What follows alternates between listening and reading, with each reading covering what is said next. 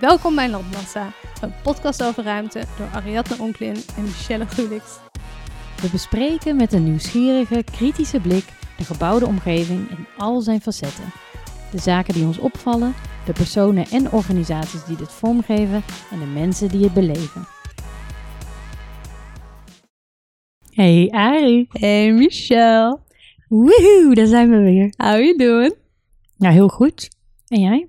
Ja, ook wel lekker. Ik zit hier echt aan een tafel vol met lekkers, dus mijn dag is goed. Ik ben eh, vooral op dit moment heel blij met onze afbakstokbrood gevuld met kruidenboot. Het is eh, de Euroshopper variant en die is de beste. Zo lekker. Ja, en lekkere chippies en pepernoten en wat is dat weer? Chocoladeletter. Ja. Alles is er. Alles, alles is er. En eh warme choco.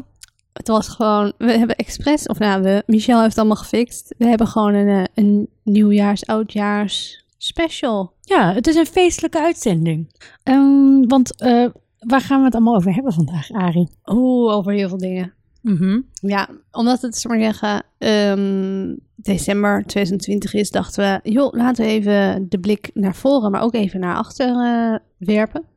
En kijken wat er is gebeurd het afgelopen jaar met de verhalen die we hebben verteld. Sommige onderwerpen hebben namelijk een update ehm, die we graag met jullie willen delen. Mhm. Ehm, dus we hebben een paar nieuwtjes. Dan hebben we natuurlijk, de, ik vraag dit voor een vriend.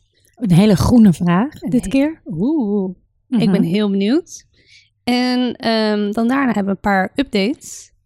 En ja, het wordt gewoon heel gezellig. Michel noemt het al de confetti-episode. Episode. We gaan, we gaan je bestrooien met allerlei vrolijke nieuwsfeitjes. Echt heel gezellig. Ja. En dan sluiten we heel feestelijk 2020 mee af. En dan gaan we lekker in 2021 door. En dan krijgen jullie weer gewoon, zoals jullie van ons gewend zijn, elke maand een leuke aflevering. Ja, ehm, weet je wat ik ga zeggen? Let's go. Let's go.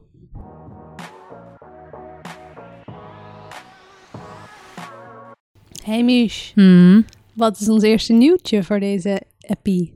Nou, er werd onlangs bekendgemaakt dat er een nieuwe Rijksbouwmeester komt. What? Jazeker. Daar hebben ze best lang voor moeten zoeken, toch? Best wel.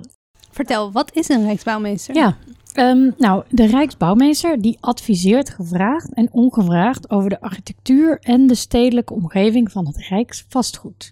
Ja, we hebben het hier wel over gehad, vorige aflevering, over eh, het landschapsvervuiling Precies. van de reclameborden. Ja, klopt. Ehm, eh, zij, zij hebben inderdaad, eh, is het, het orgaan dat de verrommeling van het landschap heeft aangekaart. Ja, die, die Rijksbouwmeester werkt met twee ondersteuners, zeg maar, samen. En samen komen zij dan met bijvoorbeeld dat soort initiatieven. Maar ze doen eigenlijk nog veel meer. Want ehm, zij hebben ten opzichte van het Rijk een onafhankelijke positie. Dus zij mogen echt eigenlijk doen wat ze willen, zoals ik het begrijp. Ehm, zo kunnen ze bijvoorbeeld eh, architecten bij nieuwbouw en renovatie van Rijksvastgoed selecteren. Oh, Dus dat zij de, op, de opdracht eh, uitzetten en daar in de selectiecommissie zitten. best wel wat macht. Zeker weten. En eh, verder onderzoeken ze ook ehm, wat de functies en mogelijke herbestemming van Rijksvastgoedgebouwen kan zijn. Dus ze hebben ook nog een rol in herbestemming. Oh, best wel vet. onderzoek, ja. En, maar ze zijn wel in dienst bij het Rijk, toch? Ja, maar zij, zij opereren wel eh, echt als onafhankelijke eh, club. Dus ze mogen echt, eh, nou ja, ze stel, kunnen ook zelf in een ja, bepaalde onderwerpen aan de kaak stellen.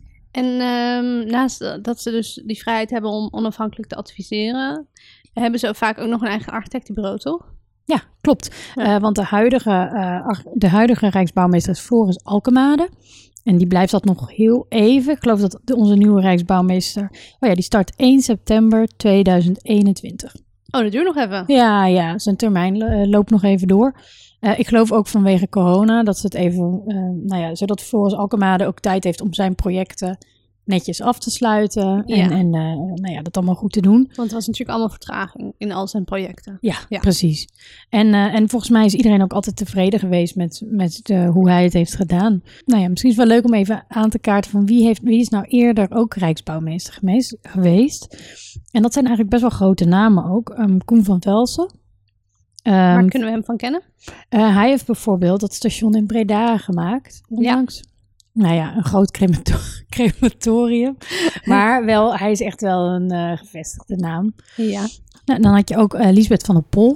Die heeft eigen bureau Doc Architecten. Ehm, nou, en die heeft bijvoorbeeld Anthropodoc gedaan. Maar volgens mij weet, ken jij een van haar projecten nog veel beter. Ja, in de regenboogbuurt in Almere heeft ze de Rode Donders gemaakt. Die kan Het je- zijn echt die knalrode flats, toch? Die, ja, die kan je zien vanaf de snelweg. En eh, je hebt ook Mels Krauwel van Oh, Bentham Krauwel. Die Nou, kennen die, we eh, van het Stedelijk Museum. Ja, en eh, de metro van Amsterdam. De Noord-Zuidlijn, ja. Het is wel best een Amsterdam gefocust eh, clubje volgens mij. Maar Maar Nou ja. misschien is dat omdat Amsterdam gewoon veel ontwikkelingen heeft kunnen faciliteren. ja, veel rijksgebouwen, veel grote prominente projecten natuurlijk. Ja. Nou, ehm, maar de vraag is nu, wie wordt de nieuwe Rijksbouwmeester Vertel dan? het me. Het wordt. Francesco Veenstra. Waar kennen we hem van? Goeie, goeie naam. Ehm, nou, Francesco Veenstra is eh, opgeleid in de Rotterdamse Academie van Bouwkunst. Ja. En is partner bij eh, het bureau Vakwerk Architecten. En dat is eigenlijk een eh, bureau wat nog niet super lang bestaat. Ehm, maar daarvoor was hij 22 jaar mede-eigenaar. Of nou ja, hij werkte 22 jaar bij Meccano. Dat Die is kennen een groot bureau. En ehm, daar was hij ook partner of mede-eigenaar van, vanaf 2007. En ik weet dat vakwerk is dan weer een aantal mensen van Meccano die hun eigen bureau hebben opgericht. Dus dat Ja. doet hij met een paar anderen.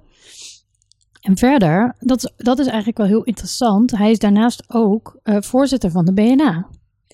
En wat is de BNA? Dat is de Bond van Nederlandse Architecten. Wat cool. Maar het is eigenlijk wel bijzonder, want nou ja, bijt dat elkaar niet? Want dan ben je dus een, eigenlijk een soort voorzitter als Rijksbouwmeester, ben je heel erg bij het Rijk betrokken. Als voorzitter van de BNA ben je natuurlijk de belangen eh, eh, eh, Ja, Van de architecten. Ja, beheerder van de architecten. Ik denk dat hij een, een pet moet eh, afdoen. Ja, nou, eh, nee dus. Hij maakt Oh. in ieder geval zijn tweejarige voorzitterstermijn van de BNA vol. En blijft zich dus ook een tijdje, terwijl hij al Rijksbouwmeester is, blijft hij zich één dag per week inzetten voor de BNA. Oké. Daar hebben ze ook gelijk op de website inderdaad een Q&A over gemaakt van hoe zit dit. Maar ehm, ze, ze vonden het oké. Dus ehm, ik denk ook, nou ja, hij, heeft, hij laat dan wel zien dat hij in ieder geval kennis van zaken heeft, wat er speelt en, en hoe eh, architecten, ja, Ja. Hoe dat dan, wat er allemaal eh, heeft- van belang is. Heeft hij een paar speerpunten op papier gezet van ik ga me in mijn termijn bezighouden met dit en dit? Nee, voor zover ik kon vinden nog niet heel erg. Dus we moeten het denk ik gewoon even afwachten. Nou, leuk. Ja, ja nog wel. ehm, daarnaast komen dus ook twee andere eh, mensen. Die komen dan in het college eh, van Ja. Rijksadviseurs, zo heet dat dan. Zijn zijn, eh, zijn handlangers. De ene daarvan is Janne-Marie de Jonge. Die is landschaparchitect en partner bij Wing. Dat is een adviesbureau dat aan duurzaam gebruik en ontwikkeling van de ruimte werkt. Ik ken haar niet. Of ik ken haar ook nee. niet. Nee. Maar nou ja, klinkt prima. En Wouter Veldhuis. En is ook stedenbouwkundige en architect en partner van MUST. Stedenbouwkundig bureau. Wat Ehm, goed. Dat ze wel, ze hebben architectuur, stedenbouw en landschap in één keer, bam, in één keer gedekt. precies. Dus, eh, ehm, en ze beginnen dus 1 september. eh, dus eh, vanaf- Volgend jaar. Dus dan, we houden het in de gaten. Super. Nou, kijken wat, ze wat ze voor ons gaan maken of creëren of Oei. adviseren. Ja. Woehoe.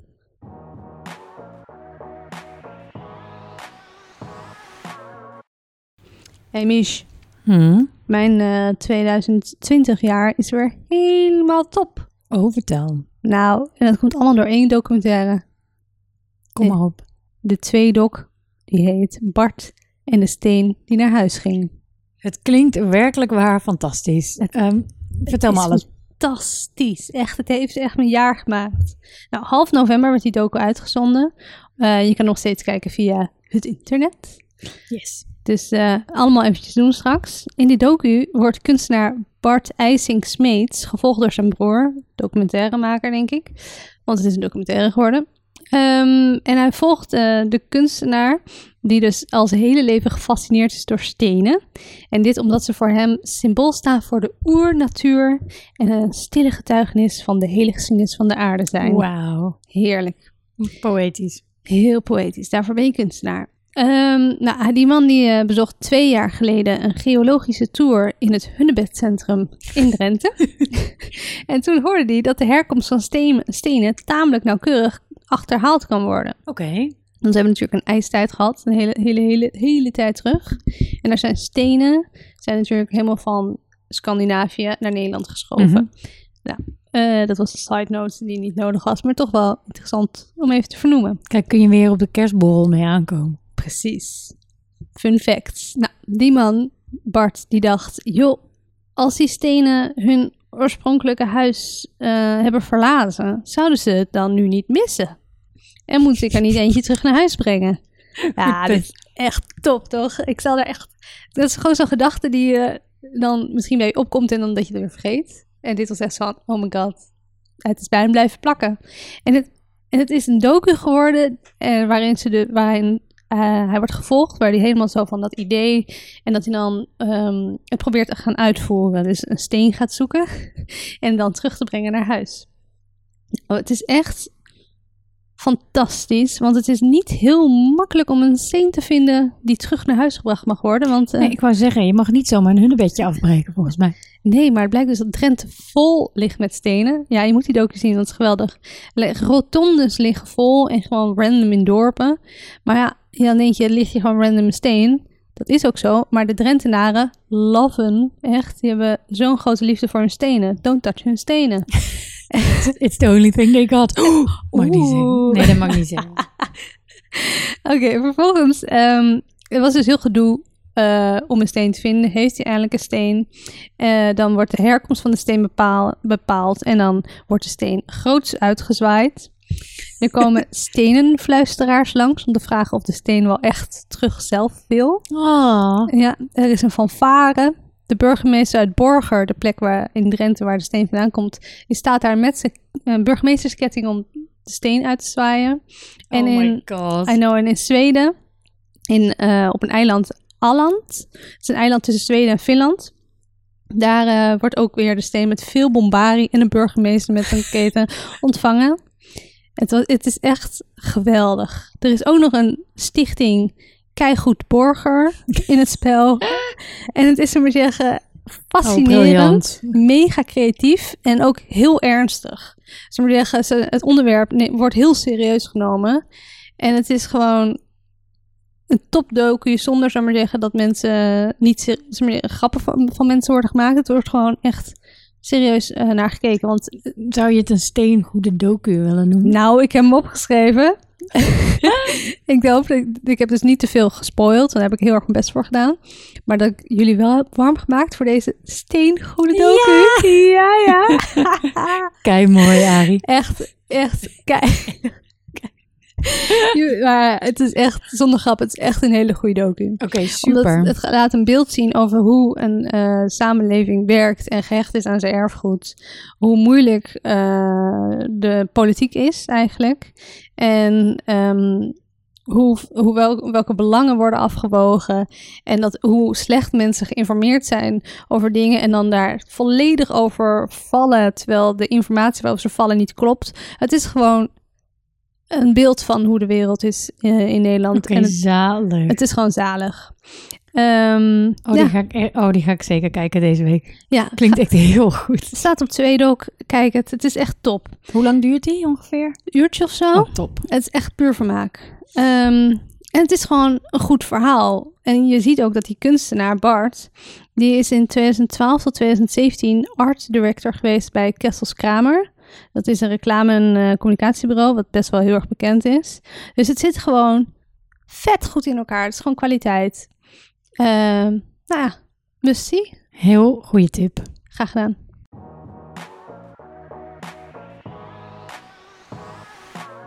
Hey, eh, Arie, van, eh, van Drents erfgoed wil ik eh, over tot Brabants erfgoed. What? Namelijk Guus Meeuwis. Oh, hoe is het met Guusje? Kedekkeding, kedekkeding.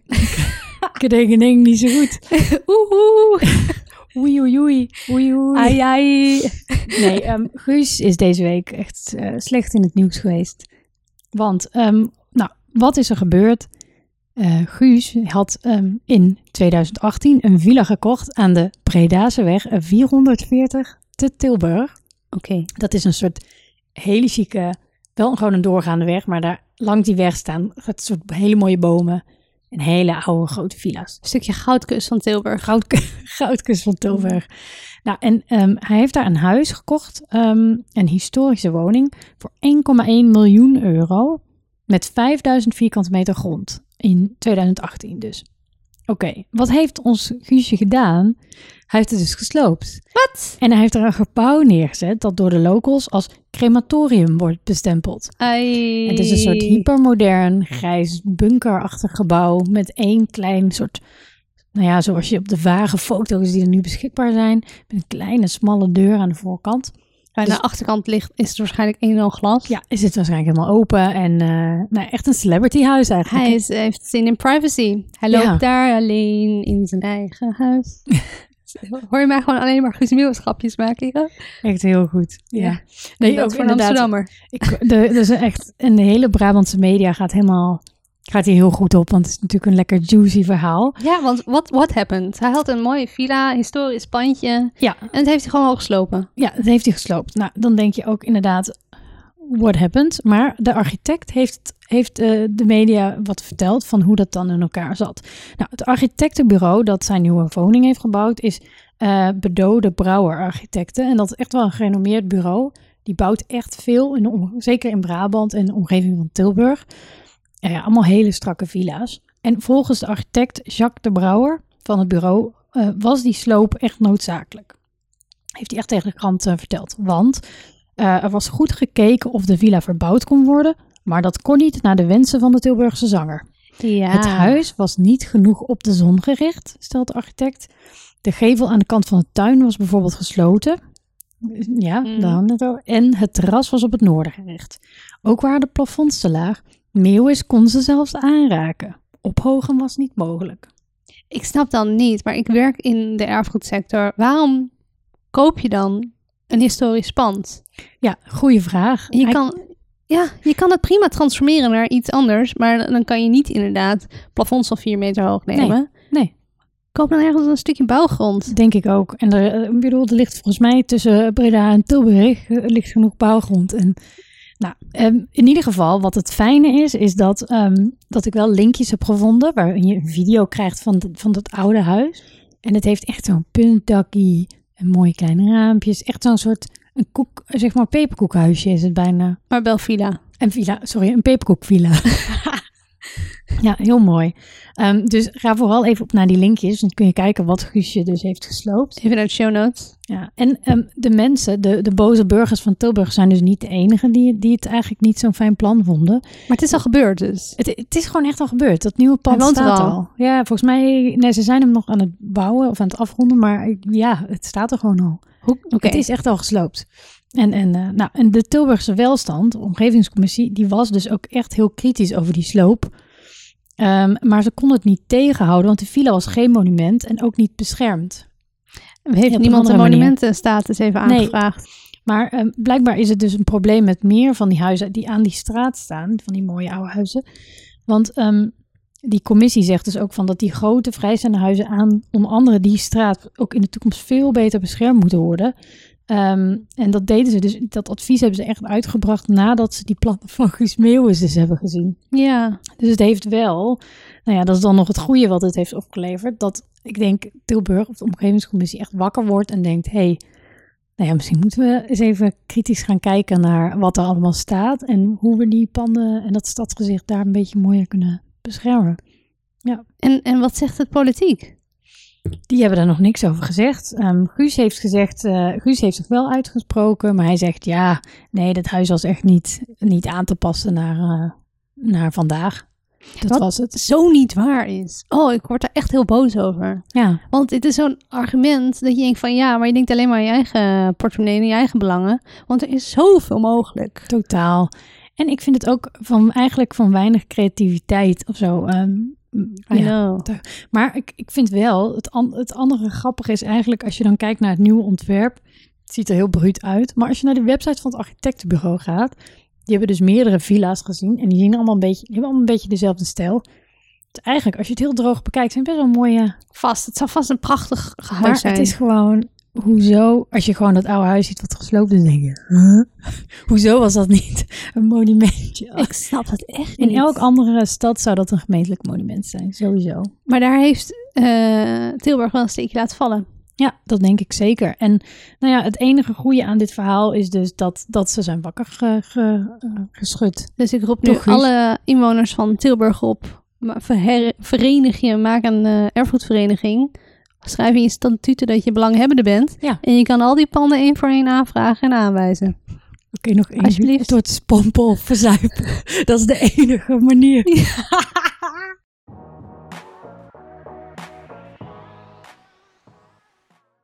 ik vraag dit voor een vriend.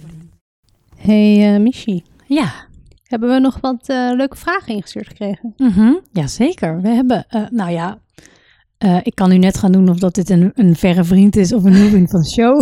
maar mijn zus heeft een vraag ingestuurd. Vera Yes. Gulix, Shout-out naar Vera.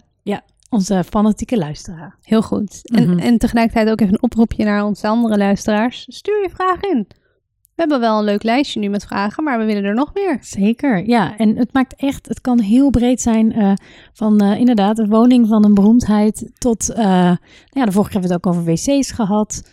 Eh, Alles kan. alles mag als het maar iets met gebouwde dingen te maken heeft. Precies. Nou, ehm, de vraag die, eh, die Vera, die ons Vera heeft ingestuurd, eh, was eigenlijk wel een, heel, eigenlijk een hele eenvoudige. Die dan blijkt dat het toch een stuk ingewikkelder is allemaal. Dat is altijd Namelijk- leuk. De vraag is, hoe en waarom zijn stadsparken ontstaan? Dat is een hele grote vraag. Dat is een hele grote vraag. En die kwam, weet ik, van haar ehm, aan, naar aanleiding van een nieuw park wat zij in Tilburg hebben. En dat heet, ze- mijn zus woont in Tilburg.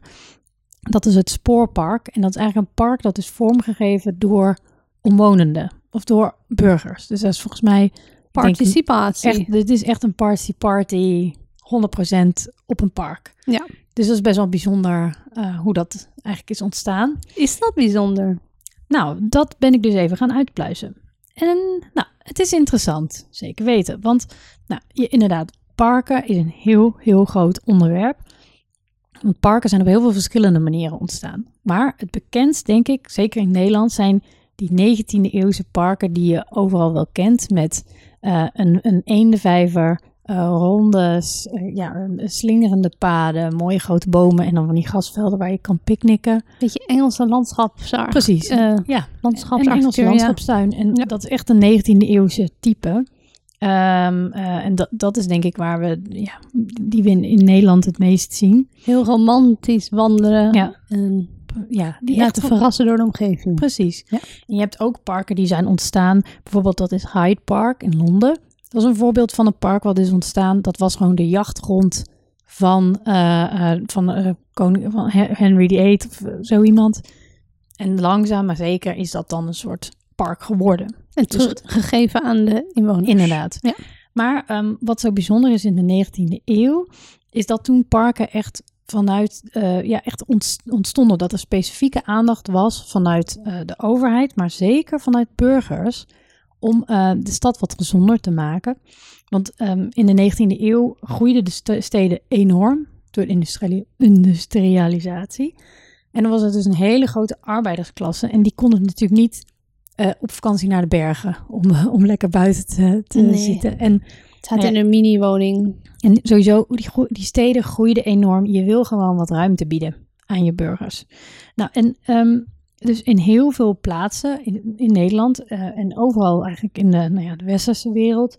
ehm, werden er dus heel mooie parken aangelegd. En heel veel in dus die Engelse landschapsstijl. Omdat dat toen helemaal de shit was. En Wie betaalde dat? Nou, dat eh, verschilt dus best wel. Ehm, want heel vaak kwamen die dus eh, tot stand door burgerinitiatieven. Ehm, dus bijvoorbeeld, nou ja, ik had een aantal voorbeelden uitgelicht. Bijvoorbeeld het Vondelpark in Amsterdam. Dat is echt door een eh, groep particulieren eh, is dat ontstaan. Die hebben gewoon een, eh, nou ja, een langwerpig strook weidegebied eigenlijk aangekocht. En daar hebben ze gewoon een, als particulieren samen een park gemaakt voor de burgers van Amsterdam. Zo nice. Tof hè? Ja. Dus die hebben dat echt uit een soort goodwill ehm, eh, gedaan. Van een soort, ja, eigenlijk een soort socialistisch uit- uitgangspunt ook van... wij willen wat teruggeven naar de stad en we willen, dat, eh, ja, we willen iets moois doen.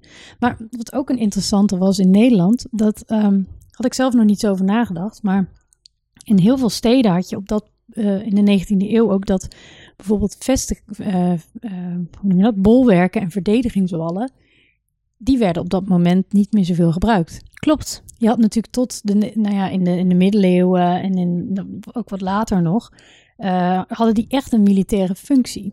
Dus die stadswallen. En in heel veel eh, steden, ja, werd het allemaal, ja, het was gewoon een beetje nutteloos. Nou, en wat dat betreft is bijvoorbeeld Utrecht, ehm, de single van Utrecht, een heel erg grappig voorbeeld.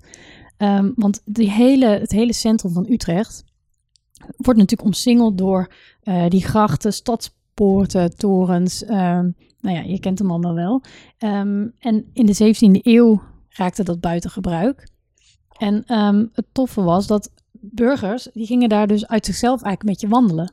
Op een gegeven moment, want ja, er was niks. En je kon heel mooi een rondje rond de stad maken. Lekker struinen. Zoals we het nu allemaal ook doen.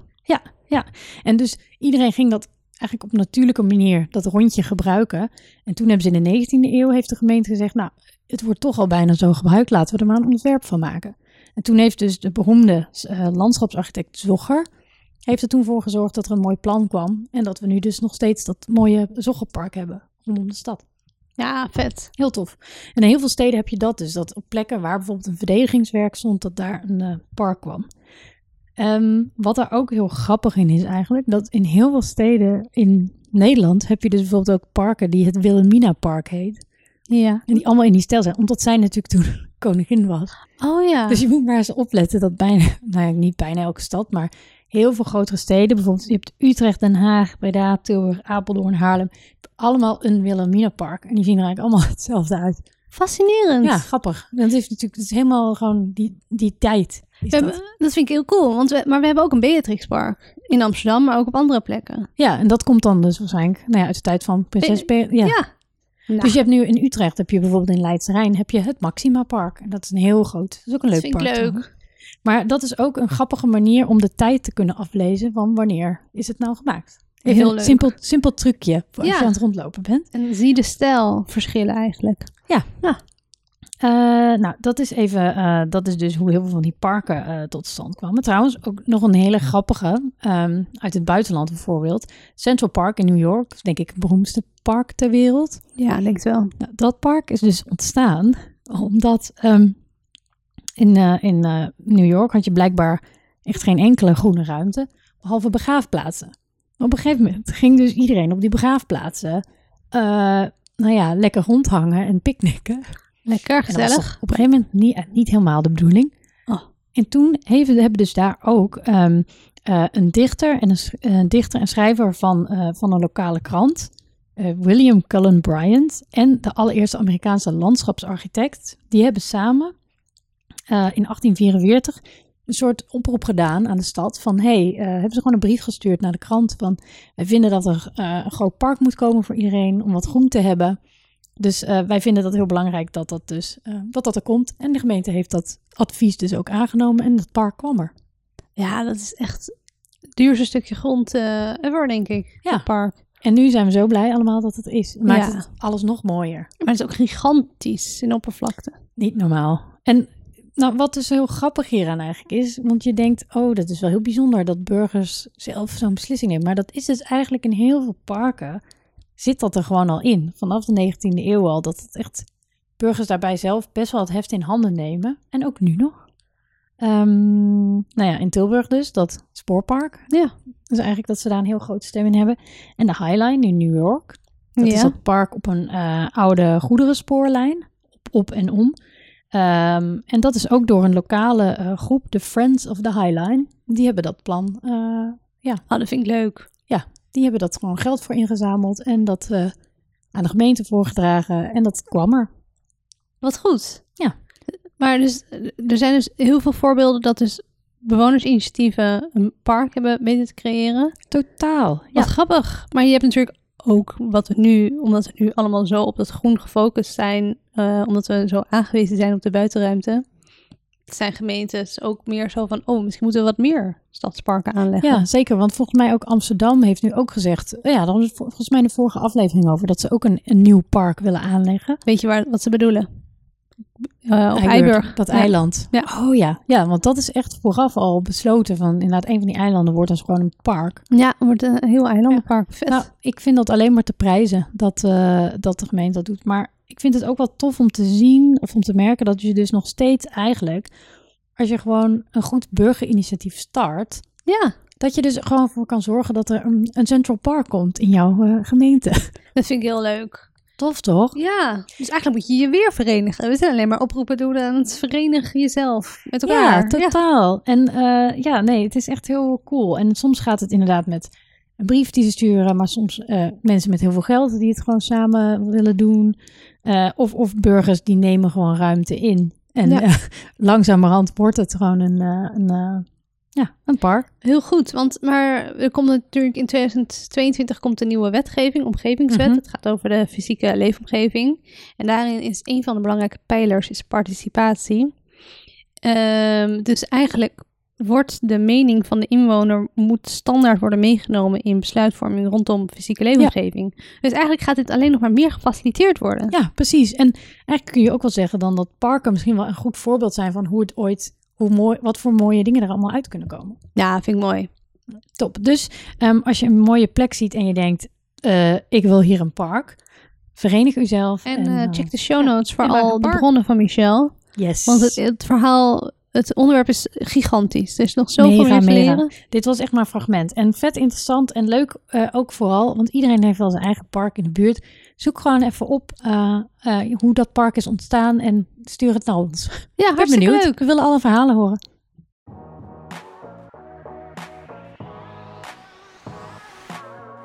Hey Mich, Ja. nu begint de confetti-regen. hè? Ik Confetti-regen. neem nog even een pepernootje. Heerlijk. Mm. We hebben het, eh, het stokbrood met de kruidenboter al bijna op. De Mm. chips is op. Hoor je mijn crunch? Heerlijk. We maken er nu een digitaal feestje op afstand van. Zeker weten, want we weten dat jullie het hele jaar echt eh, eh, ja, heel blij zijn geworden van heel veel van de onderwerpen. En dat we ook wel eens de vraag krijgen van, ja maar hoe staat het nu met het prostitutiehotel of de Notre Dame? I know. Um, Volkstuinen. What's happening? Dus ehm, nou, we hebben, we hebben naar jullie geluisterd. Precies. Dus we geven jullie eh, over vier onderwerpen een eh, beknopt updateje. Vier, Ja. toch? Ja. Jazeker. Um, Zal ik beginnen? ja, doe dat. We beginnen met de Notre Dame. In eh, aflevering 6 dit jaar, dat was in juli, ik heb het even teruggezocht voor de Mhm, fans die het mhm. willen terugluisteren, hadden we het over de Notre Dame. Ehm, het is natuurlijk een wereldberoemd gebouw, wat in april vorig jaar helemaal in de lichte laaien heeft gestaan. Lekker de fik erin, dat was een beetje jammer. Ja, En wij spraken over de restauratiekwestie. precies. Hoe dat dan allemaal ging en, en wat, wat een rare procesgang dat eigenlijk was. Precies, ja. En hoe gaan ze de restauratie aanpakken? Mhm. Want knal je er een, eh, een nieuwe bouwlaag aan toe, waarin Ja. je refereert aan de tijd van nu en aan de brand en nou, gewoon je erfgoed is gelaagd, dus voeg je een laag toe. Of ga je terug naar de 19e eeuwse, middeleeuwse vertaling die het was. Dus eigenlijk naar de versie van 1 minuut voor de brand. Nou, er waren ook nog andere scenario's, die kan je lekker terugluisteren in aflevering 6. En ehm, de, conclusie was eigenlijk dat eh, Macron had besloten dat er historiserend gerestaureerd ging worden. Dus er werd, gaat gerestaureerd worden vlak voor hoe de kerk eruit zag voor de brand. Wij waren daar niet heel content mee, geloof nee, ik. Het, nee het, het is een vreemde... Het is allemaal veel te snel ook. Precies. Maar nu, ja, nu is er weer nieuws, geloof ik. Ja, ja. Ja, het is een beetje een prestigeprojectje, hè? Ja, Ja, want eh, ik weet ook niet hoe lang die Macron er nog zit. Dus Nee. we moeten even snel allerlei dingen doen. oh, precies. Hij, wil, hij zei, Frankrijk, Parijs staat in de fik, zo zeggen, zo zag je het. En het moet eh, zo snel mogelijk gerestaureerd worden. En hij heeft een onmogelijke deadline gesteld, 2024. Dan moeten voor de Olympische Spelen eh, zijn dan in Parijs en dan moet het af zijn. Wat heel erg moeilijk is, want we hebben natuurlijk een coronacrisis, dus alles is al uitgelopen. Ehm, en ze waren er ook achter gekomen dat er allemaal loodresten werden gevonden, gif, die giftig waren rondom de kerk. Ehm, ja, nou, eh, Feest! feest, gedoe.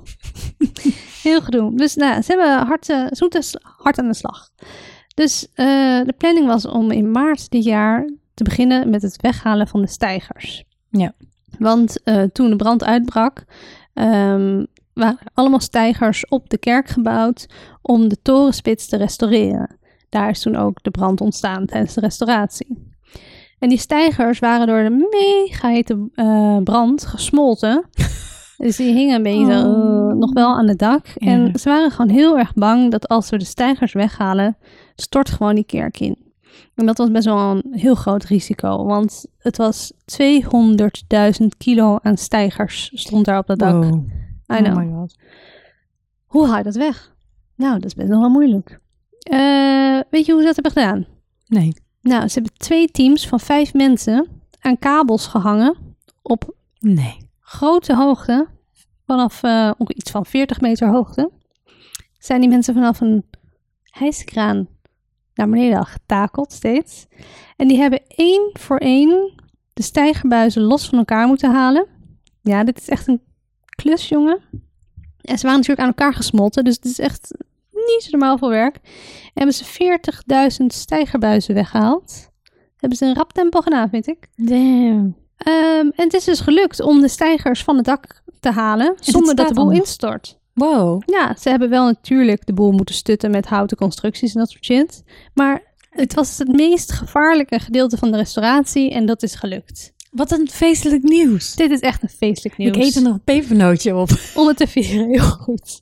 En ik dacht, jongens, willen jullie op de hoogte blijven van deze ontwikkelingen rondom de Notre Dame? Dat wil je, want Mhm. het is gewoon Ja, zeker. super interessant. Volg ze even op Insta. Ze Nee. hebben, ja, Notre Dame Paris, hup. En, ja, en zo ben ik er bijvoorbeeld achter gekomen dat ze bijenkasten op het dak houden. Nou, fun fact. Oh, wat leuk. Leuk hè? Oh, heel leuk. Ja. Oh, Dus eh, volg ze en ehm, nou ja, dan blijf je helemaal op de hoogte van de restauratie en dus over grappige feitjes. is er al meer bekend over wat, hoe het nu verder gaat? Wat de volgende stap is? Ja, ze hebben nu eh, het dak afgedekt ehm, met een soort van houten constructie ook, zodat de regen er niet in knal, in dat het niet binnen nat regent. En ehm, ik weet dan niet wat de volgende stap is. Ik geloof dat ze het dak nu gaan restaureren. Dat was het. Ja. Oh ja, ja. Wauw. Nou, hier kunnen we nog, denk ik, eh, nou, tot 2024 kunnen we hier elk jaar nog een keertje een Even aan refereren. doen. Ja, vind ik wel leuk. Mm, heel leuk. Cool.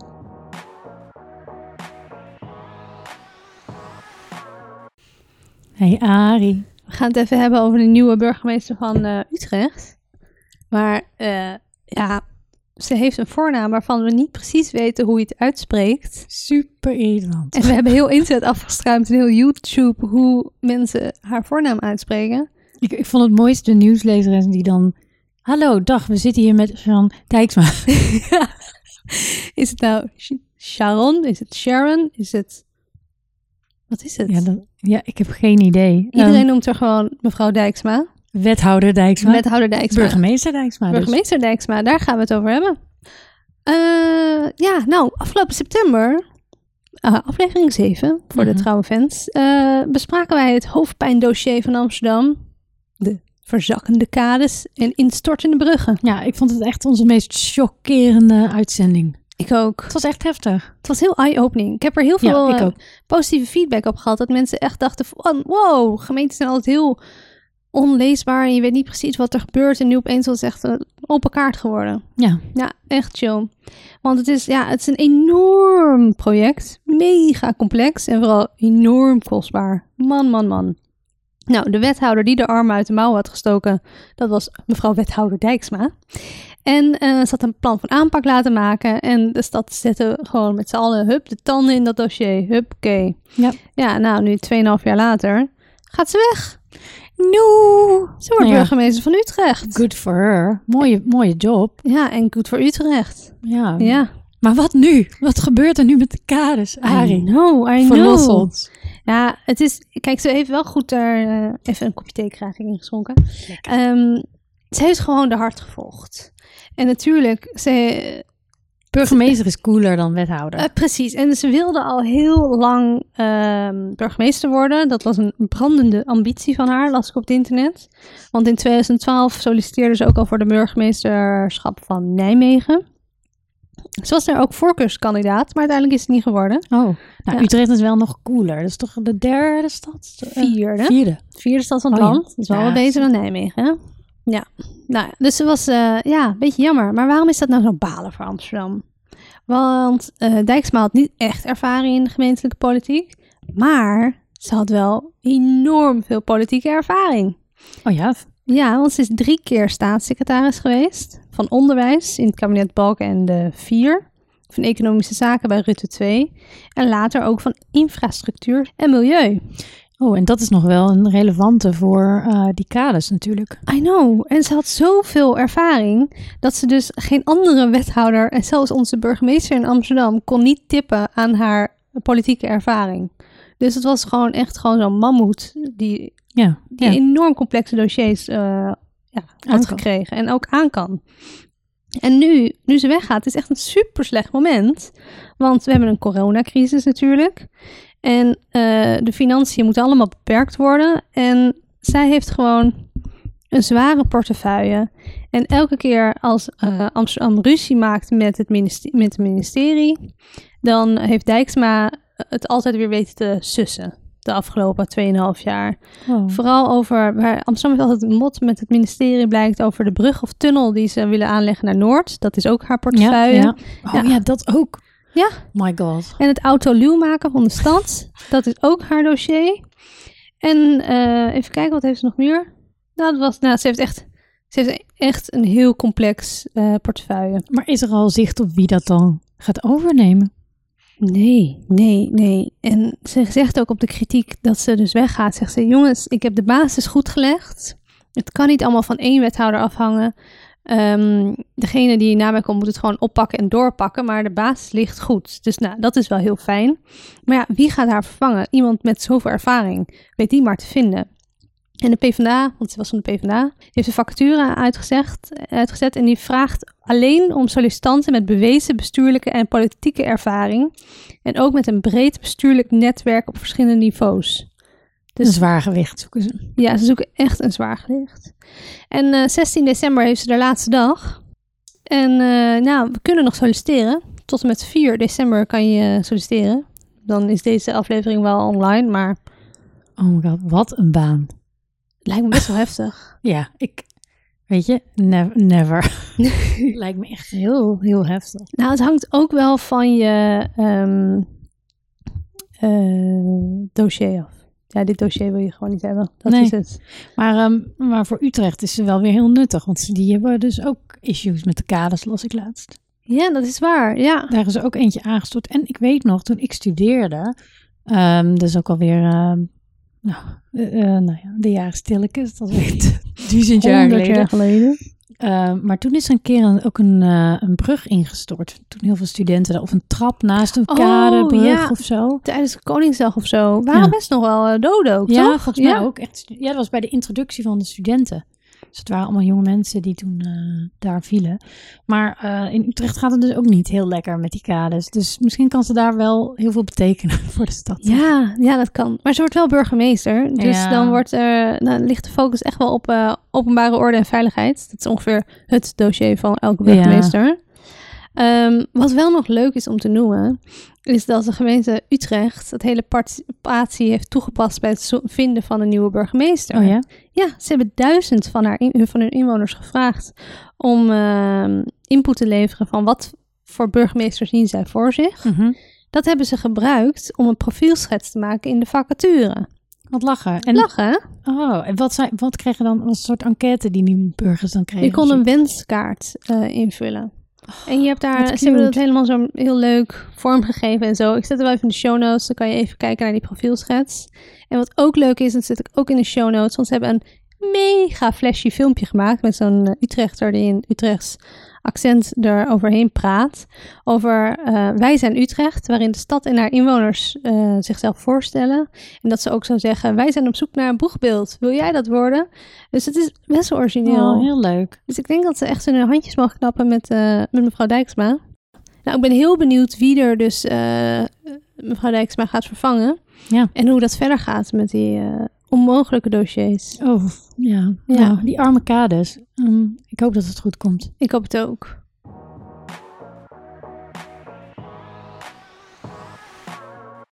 Eh, nou, we blijven nog even in Amsterdam.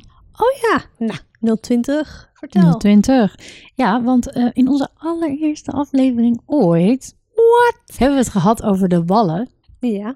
En eh, nou, daar is het natuurlijk extreem druk altijd met toeristen. Eh, nu ja, nu even niet meer. Ah, ik geloof ook nog wel weer druk hoor. Maar dat komt, ja, dat komt ook wel weer terug. Maar in ieder geval eh, heeft de gemeente, die loopt, die eh, gemeente Amsterdam loopt een beetje met, dat, met die eh, zorgen om dat gebied onder de arm. Van ja, wat moeten we er nou mee? En er kwam dus een initiatief of een idee om misschien wel een prostitutiehotel in een buitenwijk neer te zetten. En dat hebben ze van een andere stad gekopieerd, toch?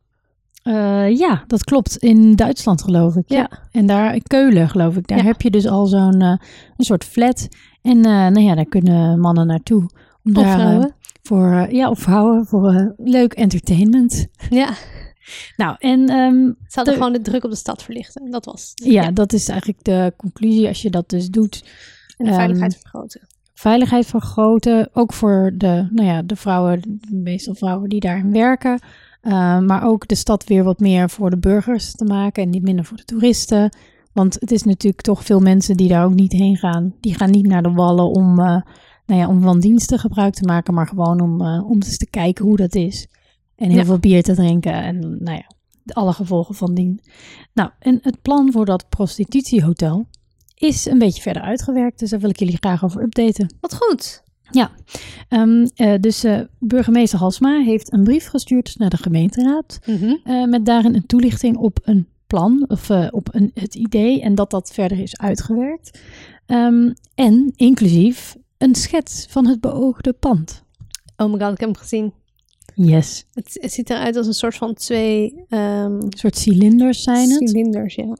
En met nou ja, een soort parkeergarage-achtige cilinder omhoog. Zo ja. ziet het eruit van de buitenkant. Ja, met een soort plint uh, die daaronder ligt. Die gewoon, dus de eerste verdieping is gewoon een soort blok. Een recht, recht aan blok. En daarop staan twee cilinders. Het doet me een beetje denken aan, in Amsterdam heb je de waterkant. Onder een parkeergarage, daar doet het me aan denken, Klopt, aan dat ontwerp. Ja. Maar, het doet, maar die, dat, die helling eigenlijk, die rondloopt, dan kan je ook denken aan het Guggenheim Museum in New York. Die heeft ook ja. zo'n cilinder. Precies, het voelt heel erg als, uh, nou ja, geïnspireerd op. Ja, en, um, beetje nou, goed gejat en slecht bedacht. Zeker weten. En um, het interessante is wel, want nou ja, dat dacht ik eerst ook, dat het echt een soort sekshotel zou worden. Dus gewoon kamertjes, that's it. Ja. Maar um, ze hebben er wel echt wat, ze hebben er eigenlijk een uh, multifunctioneel complex van gemaakt. Wat? Ja, um, want ze willen eigenlijk dat een deel van het feesttoerisme van de Wallen, dus echt uh, het clubleven en het drankleven, dat dat dus ook een beetje naar de, buiten het centrum wordt gelokt. Um, want er wordt uh, uh, bijvoorbeeld een restaurant, een bistro, een café, een nachtclub, een seksclub, een sekstheater en een sekswinkel ook toegevoegd aan dat pand. Komen ook in dat gebouw dus bijvoorbeeld kantoren voor werving via internet. Dus als jij natuurlijk heel veel prostituees bieden hun diensten online aan. Mm -hmm. En dan kun je gewoon in jouw kantoor dus werken aan jouw ja, je website. Ik weet eigenlijk niet wat je dan hebt, maar online werving. Oh. Dus kantoortjes en huiskamers waar de sekswerkers zich kunnen terugtrekken. Ja. Um, en dus inderdaad een hellingbaan met meerdere verdiepingen met in totaal 100 werkplekken. Die lopen dus in die soort, nou ja, laten we zeggen parkeergarage-achtige spiralen omhoog. Die helling. Um, ja. Maar... Dus, mm. En dat is dus, dat is nu dus het plan. En er is wel een marktverkenningsbureau aan het werk gezet. Om eens te kijken, um, wat, zijn de animo, wat is de animo bij marktpartijen voor zo'n soort gebouw? Ja, en wat zeggen de, de dames achter de ramen? Ja, die zijn niet enthousiast. Okay. Dus de belangenvereniging die heeft al gezegd van, nou, wij, wij denken niet dat dit, uh, dat, dit, dat dit wat goeds gaat worden voor uh, dames. Dat die, dat die daar iets mee opschieten. Dus dat is een beetje negatief. Maar komt dit dan uit de lucht vallen? Ja, en dat, nou, het gek is dat Marktverkenningsbureau heeft dus ook een conclusie dat er weinig spontane belangstelling is voor een erotisch centrum. Qua financiering lijken de mogelijkheden met name te leggen bij particuliere beleggers, maar dus niet veel. Oh. Maar het is dus gek, want nu hebben we een soort ontwerp of een soort hoe je dat, vlekkenplan voor Ja. hoe zo'n hotel of hoe zo'n complex eruit zou kunnen zien. Maar eigenlijk helemaal geen zicht op inderdaad, hoe krijg je mensen daar? Draagvlak. Draagvlak. Ehm, het is gewoon een soort teasertje naar de gemeente, denk ik. Ja, maar gaat het uiteindelijk echt uitgevoerd worden, is dan mijn vraag. Nou, de verwachting is dat ze uh, midden volgend jaar, dat ze dan echt een besluit gaat maken over de, uh, de precieze uitwerking. Dus inderdaad, hoe dit plan nou technisch, hoe, hoe dit nou allemaal uh, gerealiseerd kan gaan worden. En um, ze verwachten dat er zeker nog 3,5 tot 10 jaar overheen gaat voordat het er ook echt is. Ja, tuurlijk, dat zal nog even duren. Ik denk sowieso wel meer dan 10 jaar, want het is nog, je trekt ook een heel gebied leeg en, en, en het is nogal wat. En zorg maar eens dat, je, dat die mensen allemaal weggaan. Al die, ja. al die bedrijven die daar zitten, hoe ga je ze verplichten om weg te gaan? Daar ben ik heel benieuwd naar. Ik denk dat ze het alleen maar kunnen doen als ze echt een soort uh, omgeving scheppen daar in dat complex. Wat, dat, het, dat het zo gunstig is dat, dat er hele bussen met uh, Britse, Britse toeristen heen gaan of zo. Ik, uh, ja, dat je, dat je er wel naartoe wil als bedrijf omdat daar geld te verdienen is. Precies, dat het allemaal bijeen. Maar is dat nou lekker? En welke, nou hebben we volgens mij in die vorige uitzending ook al over gehad. Welke buurt staat nou te juichen om zoiets in je ja, in je achtertuin te hebben. I know. En, dus ja, dan moet het echt ver in het buitengebied. Is dat wel veilig? Ja, is dat veilig inderdaad? En hoe krijg je in vredesnaam? Ja, dan moet je een heel bestemmingsplan aanpassen om ervoor te zorgen dat die, dat hele wallen, wallengebied leegtrekt. Ja. Dus dat je wel moet. Maar dit is echt een... Um, dit is niet dat je zegt van even hup, probleem verplaatsen. Dit is echt gewoon Precies. tot in de wortels moet je, moet je de hele boel uh, opscheppen en verplaatsen, die boom. Ja, ja. Het is best complex. Het is super complex. Dus ik denk, uh, nou ja, de, ik vind het dus wel interessant dat ze dus volgend jaar een soort besluit gaan nemen over hoe ze dit nu verder gaan uitwerken. En, en wat, ja, wat, wat gaat het nou worden? Ja. Um, dus ik denk dat we gewoon uh, volgend jaar weer uh, hier. Dat, dit is echt een onderwerp wat we in de gaten moeten houden. Dat denk ik ook. En bovenop moet zitten. Het is zo fascinerend en zo inderdaad veel geworteld. En, en... en hier zouden ze dus echt lekker gebruik moeten maken van participatie. Ja, nou, wel eens, ja.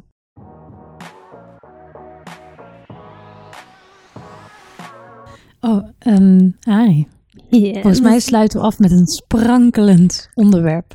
Met wat bubbeltjes. Woehoe. We gaan het hebben over de Prosecco-tuiners. Aflevering 4 hebben we daar natuurlijk uh, al lekker over gebabbeld. Mm -hmm. Over volkstuinen. We bespraken de geschiedenis, de trend en de toekomst van het fenomeen volkstuin. En opmerkelijk was wel dat volkstuinen gewoon weer enorm in trek zijn. En dat er ook vooral gentrificatie plaatsvindt in de complexen. Ja, zeker. Ja. Um, het probleem is ook... Oh, lekker nog een kopje thee, thanks. Het probleem is ook gewoon dat er een tekort was aan volkstuinen. Dus ik las toen in een artikel van het NRC dat in, sinds 2010 er een overvraag is van 15% in Nederland. En dat in Amsterdam de schaarste naar volkstuinen het grootste is. En dat in 2016 3000 mensen in Amsterdam op de wachtlijst stonden voor een van de 6000 beschikbare, of in totaal bestaande volkstuinen te krijgen. Ja. En dat, uh, ik geloof, afgelopen voorjaar stonden er zelfs 4000 mensen op de wachtlijst. Niet normaal. Ja, en moet je voorstellen, toen kwam de coronacrisis. Ja, ja, nu nog meer natuurlijk. Zeker. Dus dat is onmogelijk. Um, de redenen voor de opleveren, oplevende belangstelling mm -hmm. zijn heel divers. Dus de druk van het moderne stadsleven, de behoefte aan het groen, interesse voor gezonde voeding, ecologisch tuinieren, bla bla bla. Um, en de oude tuinders zien een nieuwe generatie een opstaan eigenlijk in de volkstuinen. Dus het, uh, ze noemden het tussen dus de Prosecco-tuinders minimaal Sparkling. tuinieren. Sparkling. Minimaal tuinieren en maximaal inzetten op chillen. Ja. Ja, nou. Afgelopen week las ik dat de gemeente Amsterdam een historische correctie heeft aangekondigd. Oké. En nu denk jij, correctie? Hè? En dan heb ik het over huurprijzen. Van de tuinen? Van de tuinen. Ja, de huurprijzen van de grond sluiten namelijk niet meer aan bij vergelijkbare verhuringen op andere plekken in de stad. Ja, Oei. dus de huurprijzen worden nu geharmoniseerd zodat er één lijn wordt getrokken. Ja, de gemeentewebsite zegt het volgende. De gebruikelijke huurprijs van verhuringen van grond met een maatschappelijke functie is 6 euro per vierkante meter. Op de huur van 6 euro komt bij tuinen een korting van 50%. En omdat de tuinparken in de winter dicht zijn en de grond niet of nauwelijks gebruikt wordt, daarom wordt die korting toegepast. En op de resterende 3 euro geeft de gemeente een korting van 25% om recht te doen aan de inspanningen van de tuinders die ze doen voor het park en van de stad. En daar moet je denken aan onderhoud, educatie, ja. activiteiten. Ja. ja, nou, dan denk je, Best een coulante regeling, toch? Ja. Nou, superkorting, huppakee. Eh ja, maar het hebben van een volkstuin wordt niet meer bereikbaar hierdoor voor de, alle Amsterdammers. En helemaal niet voor de Amsterdammers die geen dikke portemonnee hebben. Want hoe ziet dat kostenplaatje er dan uit voor Ja. die mensen? In sommige gevallen zal de aankomende drie jaar de huurprijs met wel bijna 800% toenemen. Wat? Ja, Dat kan toch niet zomaar? en of dat kan, dat kan zeker. Een complexje in Sportpark Drieburg betaalt nu zo'n 1900 euro per jaar. En dat bedrag gaat omhoog naar 16.000 euro per jaar. Nee. Ja. Hè? Heel groot gedeelte van de tuinders komt nu in problemen. En je hebt ook het tuinpark Amstelhof. Die betaalt nu 0,13 euro grondhuur per vierkante meter. En dat is stedelijk gezien de laagste vierkante meterprijs voor een volkstuin. Ja. Eh, gemiddeld betalen volkstuinen 47 cent per vierkante meter. En de grondprijs wordt nu voor tuinpark in de hele stad 2,25 euro per vierkante meter. Dus dat is een enorme stijging. Wow. 0,47. En nu wordt het natuurlijk nog populairder onder die Prosecco-tuiners, want die kunnen het wel betalen. Precies, dus dat is een heel probleem. Er komt nu nog meer Ja. eh, scheefheid. En eh, mensen zijn ook echt heel boos over de tuinparken. En ehm, Want is het al helemaal goedgekeurd, dit hele plan? Of, of... ja, dit is een nieuw beleid dat is aangekondigd. Zo. Ja, en er komt dus een, wat ze dus hebben bedacht. Dat is ook weer echt, de gemeente heeft dit bedacht, maar dat je denkt, oké. Ehm, er komt een tegemoetkomingsregeling. En dan denk je nu, als ik wat vertel, dan, dan denk je, oh oké.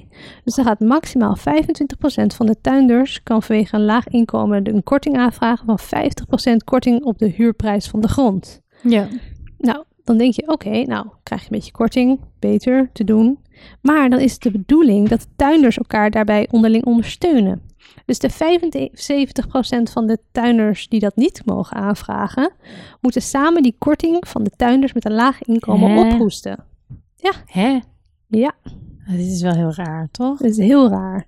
Maar komen ze in opstand, die, eh, de, tu- de tuinders? Ja, de Bond van Volkstuinders en andere volkstuinverenigingen gaan eh, in overleg met de gemeente over deze regeling.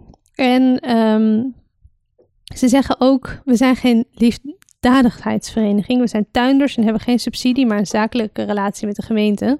Ja. En dit is gewoon, we moeten nu een soort van fonds aanleggen. Het is gewoon niet te doen. We zijn gewoon tuinierders. Wat gebeurt hier? Ja. Ja. Jeetje, wat heftig. Heftig, hè? Ja. En dan, en dan denk je, joh, wat gaat de gemeente dan doen met al dat extra geld? Want het is echt enorm hoeveelheid extra geld wat ze binnenharken hiermee. Oh my god, ik ben alleen maar grapjes aan het maken. Oh, onbewust. Ja, deze wordt dus ingezet voor de vernieuwing van de volkstuinparken. Ja. Die vernieuwing eh, die gaat de komende 10 tot 15 jaar plaatsvinden. En ze zeggen, ja, maar die vernieuwing kost in het echt veel meer geld dan wat we binnenhalen. Dus deze huurinkomsten zullen maar een kwart daarvan eh, de kosten dekken. En de overige kosten gaan ze dan betalen uit eh, groen in de stad Ja. van de nieuwe wijken die gaan komen. Ehm, en wat ze dus ook gaan doen, ze gaan dus de tuinders eigenlijk wegjagen, omdat mensen niet kunnen betalen. Ehm, dus eh, heel de boel gaat nog meer gentrificeren. Het wordt nog meer voor de elite. En daarnaast gaan ze het hele concept van tuin, volkstuin natuurlijk aanpassen, want het Ja, moeten meer ja. stadsparken worden. Er moeten wandelroutes doorheen. Er moet eh, kunst, zorg, gezondheid, duurzaamheid, stadslandbouw. Ruimte voor spelen, thee- theehuisje, fietsverbindingen. Ze willen dus gewoon het voor meer voor de hele stad toegankelijk maken. Wat ik best een mooi idee vind. Ja, ja daar ben, kan ik me ook wel in vinden. Want Ja. het is natuurlijk wel... Het is heel veel grond dat door heel weinig mensen wordt gebruikt. Precies, dus dan kan je het op die manier openknallen en meer. Dat is- vind ik een heel goed idee. Maar dan die huurverhoging, ja, is wel heel mensen- rigoureus. Dat is het. Ja, het is echt een heel rigoureus eh, verhoging. En heel veel mensen zijn natuurlijk al generaties aan een huisje aan het bouwen en aan een, Ja. hun tuin. En eh, die hebben dat altijd, eh, nou ja, vaak decennia lang eh, onderhouden. Dus het is wel, maar mag, ja, dat het zomaar ineens mag. Ja, ja ze zeggen, we hebben historisch gezien hebben we nooit die prijzen goed bijgehouden. Dus nu doen we het in twee stappen. Dus dan sta je dan met je mooie tuinhuisje. 800% huurverhoging. Jeetje. Ja, het was wel balen. Ja, wat sneu voor die mensen. Echt heel sneu. Dus Maar ik denk dat hier nog wel een, een staartje uit gaat komen. Want ik denk, ja, dat, ik zou dat niet accepteren als je zo'n volkstuinvereniging bent. I know, dat zou ik ook niet doen. Maar ja, wat, wat gebeurt er dan? Dus ik ben heel benieuwd. Dit wordt wel een onderwerp wat eh, inderdaad wat, wat, waar we meer over gaan horen, denk ik. Ja, want wat ik me dan eerder kan voorstellen. Kijk, er staan 4000 mensen op die wachtlijst. Ja. Doe, weet je, ver- verhoog dan die huur als er een huisje vrijkomt, bijvoorbeeld. Precies. Nou ja, dan duurt het wel 20 jaar, maar ja, het is wel iets, iets verder dan. In plaats van, hallo, 800% meer. Ja. Ja. ik vind het echt shocking. Ehm, en het is duidelijk dat de stad eigenlijk een beetje aan het worstelen is met wat ze nou moeten met die volkstuinen. Ja, En op deze manier proberen ze, denk ik, ehm, omdat heel veel mensen denken, oh, eigenlijk best wel een relatief goedkoop huisje buiten de stad extra. ja. Ehm, en dan denken ze, oké, dan gaan we het een beetje een normale prijs maken. Maar ja, ah, ik vind het moeilijk. Ja, heel. Ja, Nou, oh, zielig hè? heel zielig. Dit is wel een beetje een sad eh, story om te eindigen. Ja, en het klonk zo leuk hè, met de Prosecco. De Prosecco, misschien moeten we er zelf maar eentje opentrekken straks. Hmm.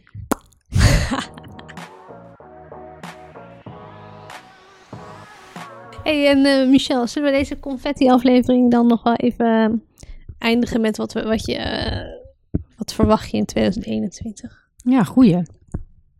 Ik verwacht in 2021 qua gebouwde omgeving dat, dat het echt een mega, mega super interessant jaar wordt. Want Ja. ik denk, ehm, nou, er is nog steeds mega woningnood. Je krijgt een omgevingswet.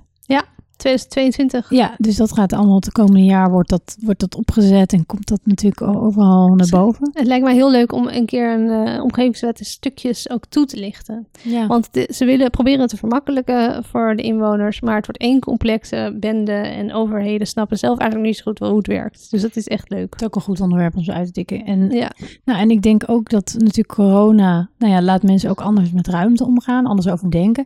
Maar ik denk dat het volgend jaar ook wel zichtbaar zal worden wat de impact gaat zijn op de bouwsector. Ja. Dus wat er allemaal gebouwd kan worden, hoe het gaat met architectenbureaus, met eh, aannemerbedrijven, met corporaties. Ehm, want ja, het is eh, natuurlijk financieel een, eh, een K-jaar geweest. precies. En ik denk in de bouwsector duurt het meestal wat langer voordat die crisissen echt dat je de Ehm, effecten Dat je de ziet. effecten ziet. Dus ik denk dat volgend jaar we de eerste tekenen daarvan zullen gaan zien. Ja, er zit altijd een beetje vertraging in. Ja. Ik ben ook heel benieuwd hoe het... eh, de verwachting is dat er ook heel veel horeca en dergelijke gaat omvallen. Ja, dat denk ik ook. Ehm, dus ik ben ook heel erg benieuwd wat dat zorgt voor ehm, de omgeving, de stedelijke klimaat eigenlijk. Ja, want er was natuurlijk het, ja, de afgelopen jaren, dat merk je wel overal, zeker hier in Amsterdam, dat er wel een soort horeca boom ook was. Dat er een soort aanbod Ja. is waarvan je denkt, elke, elke straathoek heeft een hippe koffiebar. Klopt. Dus dat je ook wel de vraag kan stellen van, nou, misschien komt daar ook verandering, maar wat, wat komt er dan als alternatief? Precies. En gaan we allemaal blijven lekker thuiswerken? Gaan we allemaal zomaar ons huis verbouwen en kantoortjes bouwen? Ja. Of trekken we allemaal naar de provincie? En het valt me op, opeens zie ik overal te koopborden hangen. Het lijkt wel alsof iedereen nog even wil cashen met zijn huis. Ja, dat denk ik ook. Ja, en, en eh, wat hier allemaal ook nog onder ligt, en wat het afgelopen jaar misschien ook een beetje in de vergetelheid, nou, niet in de vergetelheid is geraakt, maar wel naar de achtergrond, is gewoon een hele verduurzaming, de hele klimaatcrisis die ook nog meespeelt. Klopt. Ja. Dus dat loopt ook nog eventjes door. Dus, ehm, nou, ik, 2021 zitten we sowieso niet om onderwerpen verlegen, denk ik. Denk het ook En, niet. en jij, heb je, heb je ook nog zo specifieke ideeën over komend jaar? Nee, ik ben gewoon heel, benieuwd. Ehm, vanuit mijn werk ben ik heel druk bezig met die omgevingswet. Ja, En ik zie gewoon hoe complex het eigenlijk is. En ik ben heel benieuwd ehm, hoe dat hele participatieverplichting een beetje vorm gaat geven. En vooral inderdaad over de stem van de inwoners, hoe ze hun eigen stad willen of dorp willen inrichten of vormgeven. Dat vind ik heel interessant. Ja, Maar ja, ik ben ook nog steeds gefascineerd over. Ik liep gisteren door en Bolstraat en daar is ehm, de Oude Rij, dat is een soort van verzorgings-slash aanleunwoninghuis. En dat is helemaal verbouwd. Ze hebben een soort van hippe wannabe groen geveltje aan op, op de plint aange, tegenaan getikt. En dan hebben ze, er was vroeger een hellingbaan voor ambulances om op goede hoogte aan te rijden. Die hebben ze weggehaald. Maar hebben ze een gedeelte van de stoep hebben ze dus verlaagd en opnieuw getegeld. Maar, maar de helft van de stoep en de andere helft hebben ze gelaten waardoor het is. Waardoor het, je hebt verschillende soorten bakstenen en er ligt eigenlijk nog zo'n stoeprand middenin. En dat je denkt van hoe kan het toch dat stratenmakers dit zien, maar denken van oké, laat maar. En hoe het kan voelt het? ook niet heel erg Puccini, wat Het mij is totaal niet Puccini. En ik denk, hoe kan het nou dat zo'n stoeprand nu opeens midden in de stoep ligt in plaats van aan de rand? dat soort dingen, dat ik gewoon me eigenlijk verbaas over hoe kan het toch dat het eigenlijk, dat we eh, op eilandjes leven in één Ja. stad. En het, ehm, het geheel soms een beetje uit het oog verliezen. Ja, goeie. Nou, Ja. misschien eh, biedt 2021 verbetering. Ik hoop het. En ehm, ja, wat gaan wij doen? Wij Ja, gaan, eh, We gaan lekker door. lekker door. Elke maand eh, verwachten jullie van ons eh, weer gezellig een eh, afleveringetje. Krijg je weer een heerlijke landmassage. landmassage. en we zullen, ehm, we gaan lekker door met het format dat we nu hebben. Met de nieuwtjes, de vragen voor het vriend en een groot onderwerp. Vandaag was het natuurlijk eventjes anders, maar ja, het is feest. Vandaag was confetti. Confetti, dus dat is ook allemaal prima. En als je dus een vraag hebt, stuur me even in naar landmassapodcast.gmail.com. Of stuur ons een privéberichtje op onze Insta. En dat is het Landmassa Podcast. Ja. Of het Landmassa. Nee, het Landmassa Podcast. en dank voor het luisteren en eh, tot de volgende. Dank je. Tot volgend jaar. Tot volgend jaar. Fijne kerst, fijne Sint, fijne... Fijne alles. En lekker geen vuurwerk afsteken. En lekker afscheid nemen van 2020. Daar drinken we op.